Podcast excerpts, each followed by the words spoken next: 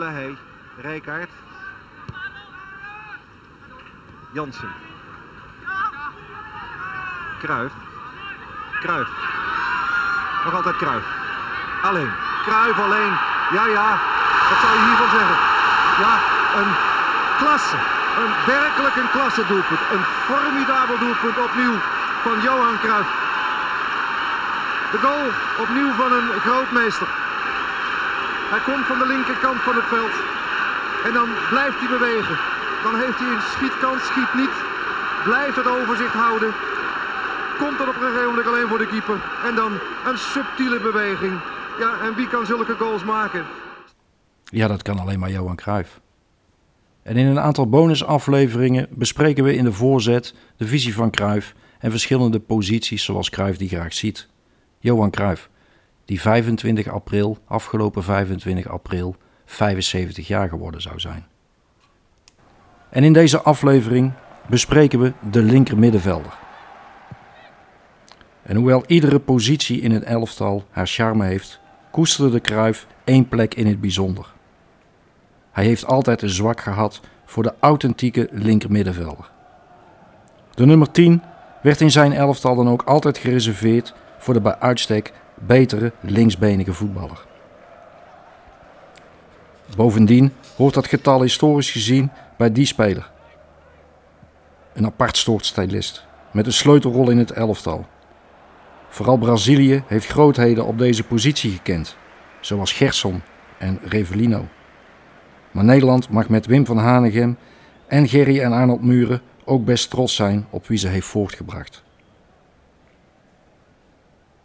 Cruijff stelde het zo dat het opvallend is dat juist Brazilië en Nederland dergelijke goede voetballers hebben. Het zegt misschien wel iets over de specifieke cultuur van beide landen.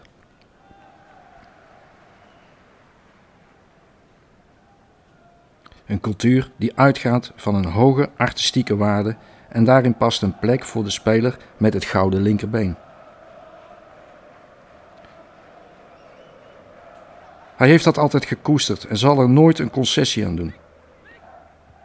Dus liet hij als coach van Ajax en Barcelona de ploeg altijd met drie spitsen spelen.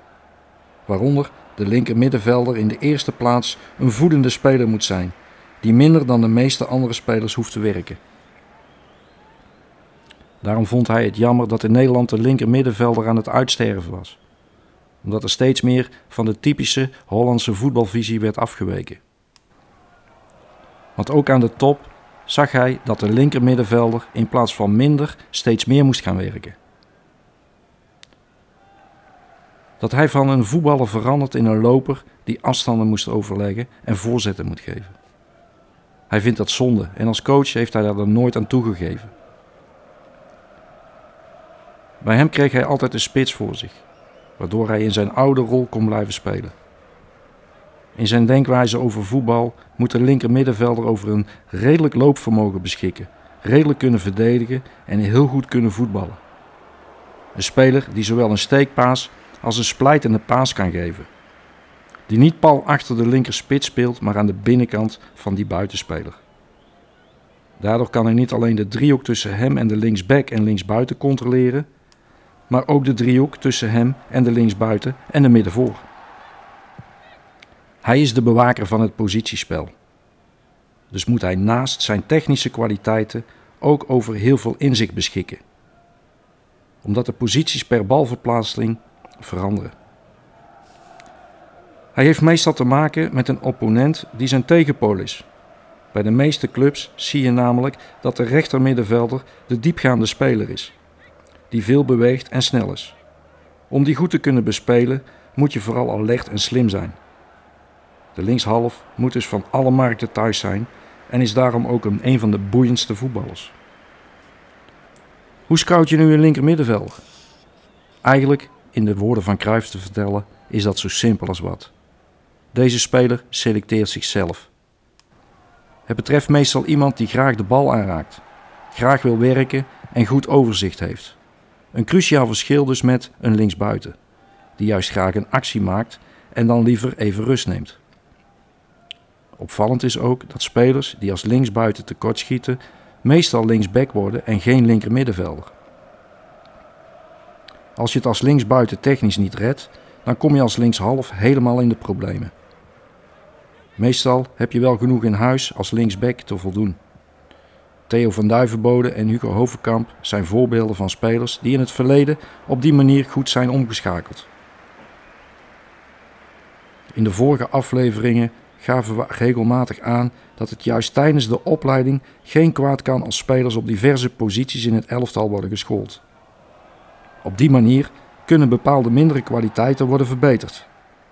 De uitzondering op die regel is de linker middenvelder. Kan zich namelijk niet voorstellen dat mensen als Van Hanegem, Muren en Rivellino op een andere positie zien spelen. Zo'n speler laat je vanaf het begin af aan rijpen op zijn eigen plek. Tijdens de opleiding kun je de linkshalf wel aanscherpen door vooral zijn balbehandeling en tempo te verhogen. Bovendien moet je het als jeugdtrainer uit je hoofd zetten hem ook tweebenig te maken. Cruijff had die illusie ooit gehad, maar is het echt verspilde moeite. Je ziet juist dat de speler zijn linkerbeen steeds beter en efficiënter gaat gebruiken. Tot er op een gegeven moment sprake is van het beroemde gouden linkerbeen. Waar eerder een hand dan een voet aan zit. Een instrument waarbij de binnenkant voet net zo goed gebruikt wordt als de buitenkant voet. Eigenlijk lopen ze op één been, maar zelfs dan zijn ze beter dan anderen op twee benen. Het is wel duidelijk dat Cruijff van dit type speler hield. Omdat ze op veel opzichten zo apart zijn. Het begint vaak al met die typische manier van lopen. Let maar op, het ziet er vaak niet uit, maar het levert tijdens de wedstrijden nooit problemen op. Het mooiste is dat hun manier van spelen vooral gedragen wordt door de liefde voor het spel. Daarom zijn het vaak ook spelers die het lang aan de top volhouden. Voetballers als Van Hanegem, Rivellino, Gerson, Muren en Charlton waren de 30 al lang gepasseerd toen ze nog in het nationaal elftal speelden. Juist omdat ze zo goed kunnen voetballen en veel inzicht hebben, spelen ze heel efficiënt en gaan ook langer mee. Helaas behoren ze net als de buitenspelers tot een uitstervend ras. Een ontwikkeling waarbij ik kruis zich met hand en tand tegen wilde verzetten. En in de hoop dat er nog tijd op heel veel mensen ervan kan overtuigen dat de klassieke linkshalf wel degelijk in het moderne voetbal paste. Waarbij de nummer 10 niet langer een toertocht door het hele elftal maakt, maar bij de speler blijft die het meeste recht heeft op dit speciale rugnummer. De vijf tips voor Kruif.